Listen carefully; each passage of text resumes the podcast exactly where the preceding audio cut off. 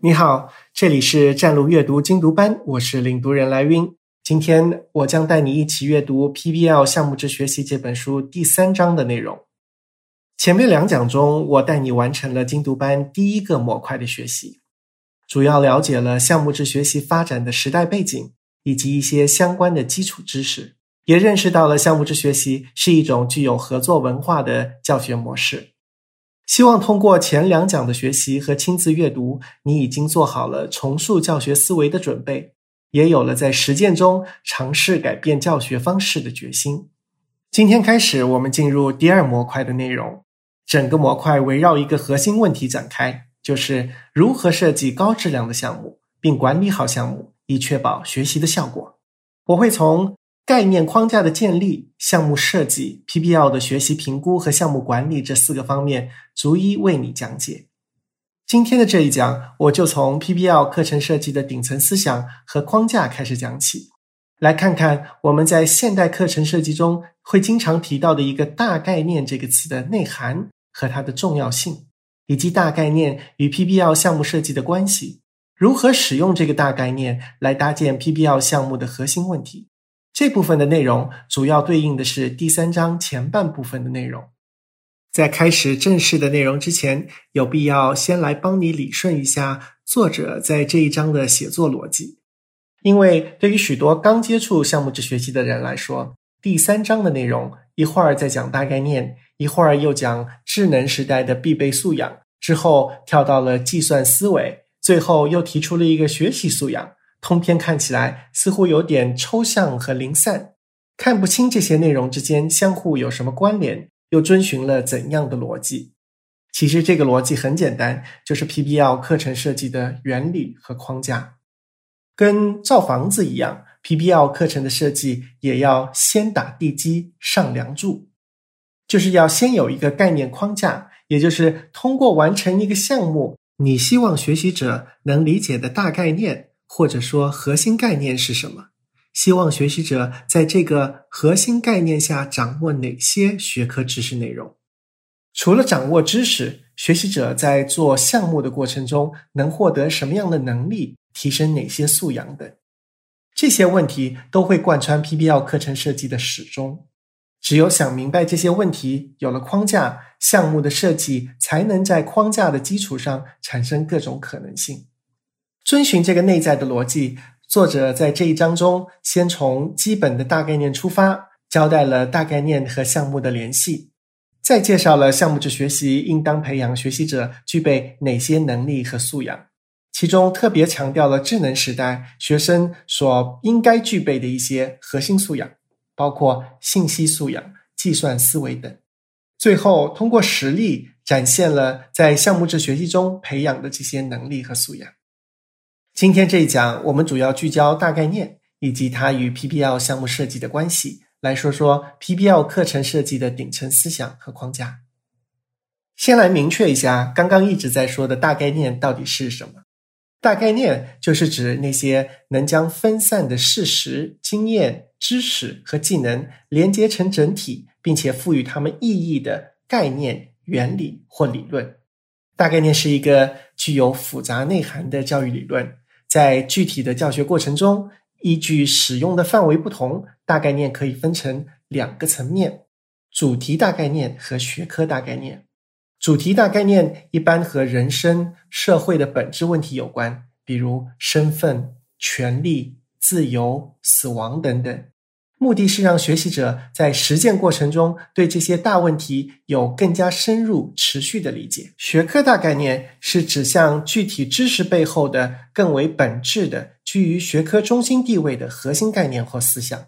比如，生物学科中的一个大概念：生物体的形态与它的生活环境相适应，里面就包含了为什么变色龙会随季节变换体表颜色。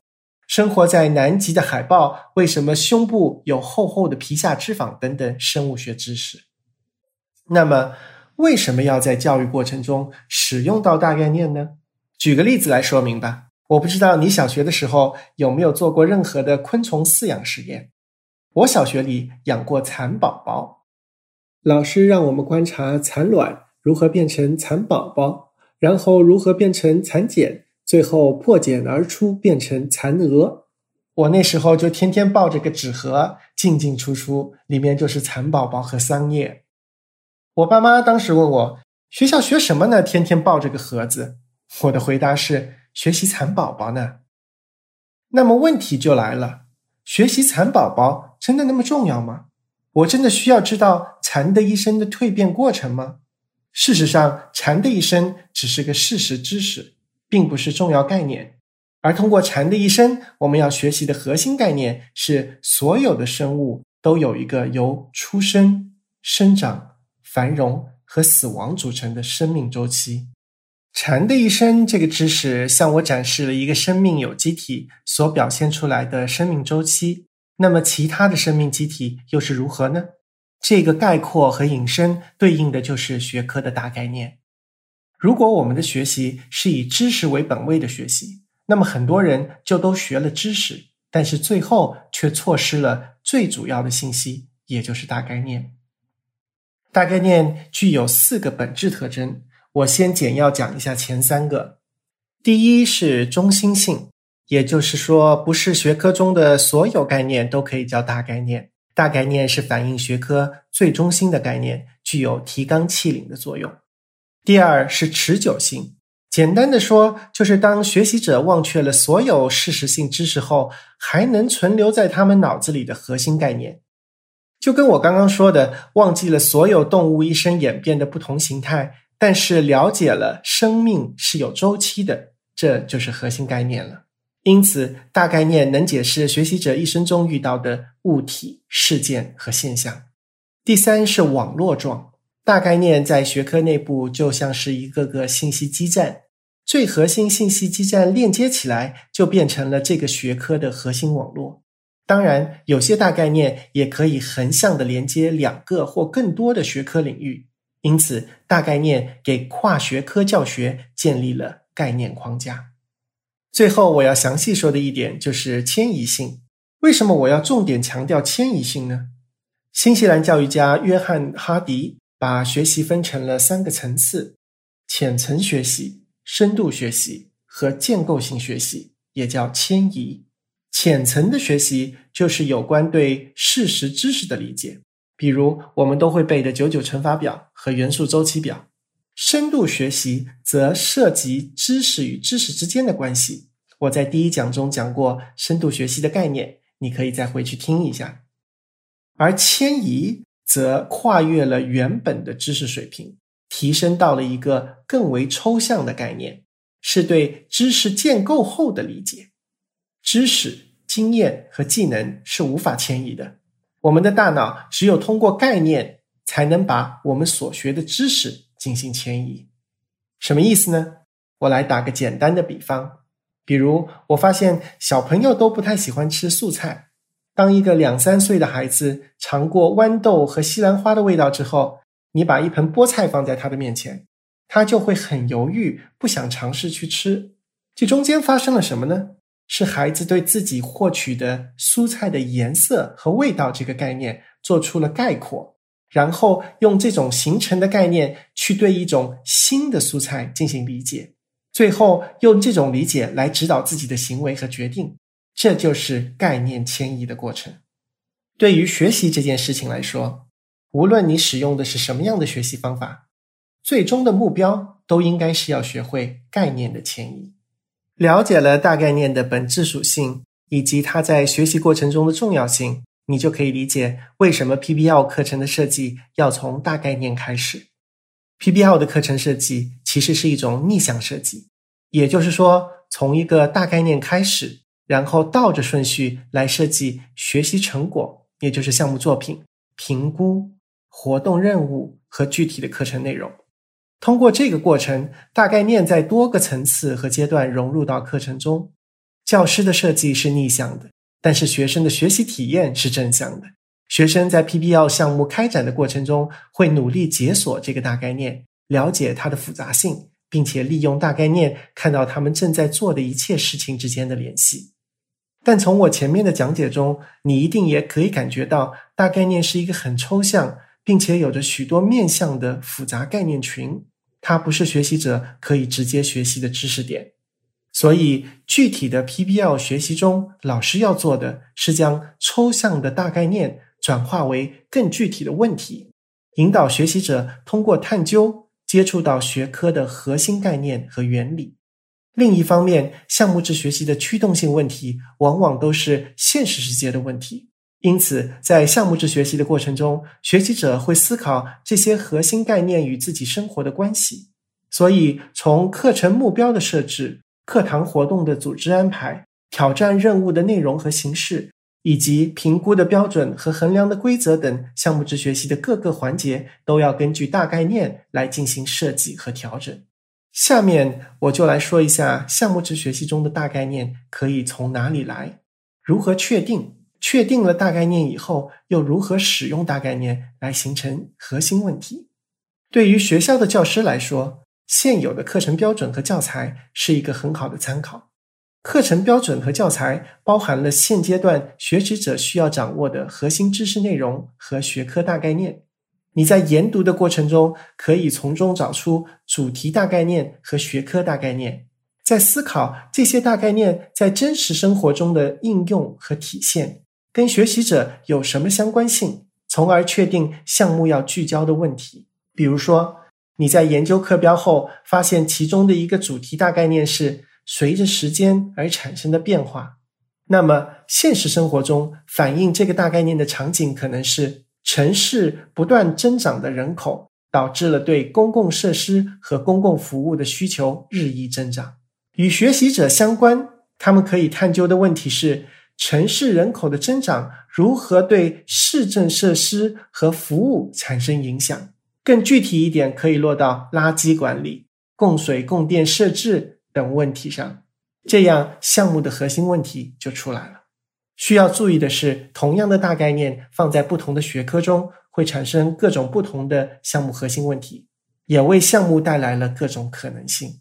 学科大概念必须能够连接这个学科中分散的事实、知识和技能，但因为大概念具有网络状的本质属性，如果涉及到跨学科的项目制课程设计，大概念就不仅仅要连接一个学科内部的知识和技能，而是要将不同学科连接成一个整体。比如说，人类是自然的一个构成部分，这个大概念就可以包含。生物学、环境科学、伦理学、艺术、文学等等不同学科，将其中原本分离的事实、知识、技能和经验联合起来。对于培训机构的老师或者培训师来说，可能会问：我们没有课程标准，课程内容也比较零散，那怎么办？这就要看这些培训老师做培训的目的到底是什么了。如果机构培训的目的只是停留在让学生提分，训练的是学生的应试技巧等等，那从本质上没有使用项目制学习的需求。就跟我之前讲过，项目制学习是促进深度学习和提高能力和素养的教学方式。但是，如果你有意图尝试项目制学习的话，就必须把你课程中碎片化的信息归纳起来，看一看这些碎片化的信息指向你教授的这门课什么样的核心概念。也可以从使用的教材出发，看看教材的单元内容都呈现了何种大概念。这同样也是帮课程减肥的过程。如果你确定了核心概念，那与核心概念无关的知识和信息碎片都可以去掉。对于学习者来说，了解项目背后的大概念也非常重要。在项目实施的过程中，要鼓励学生们进行思考，多问几个为什么。比如，为什么要选这个主题？为什么选这样的表现形式？为什么选这些物料来搭建项目作品等等？大概念可以让我们的项目作品变得有意义、有实际的价值，而不仅仅是一项作品而已。因为高质量的项目设计，最终的作品不仅仅是一个手工制作、一场表演、一个建设性的方案等等，而是直指核心问题，是解锁大概念的可视化证据。在现实生活中，问题往往都是复杂的、跨学科的。大概念能让学生把知识连接成网络，进而变成解决实际问题的能力。在今后亲自迎接来自社会等多方面的挑战时，也能够依据不同的事物进行适应性转化。好了，今天的内容就到这里了。这一讲我主要和你说了项目设计的概念框架是好项目的骨架，只有理解和运用好大概念，项目才能有严谨且有深度，才能让学习者进行持续的探究具有挑战性的现实世界的问题。最后还是留问题给大家思考与讨论。选择一本你用的教材，看看书的目录中内容的编排，你能从中找出一些大概念吗？有了这些大概念，你可以重塑单元教学的教学方式。试着想想，如果对应的是现实生活中的一个问题，那可能会是一个什么问题？好的，那今天这一讲就先到这里。湛卢阅读与最聪明的人共同进化。我是莱茵，我在湛卢阅读精读班等你，下一讲再见。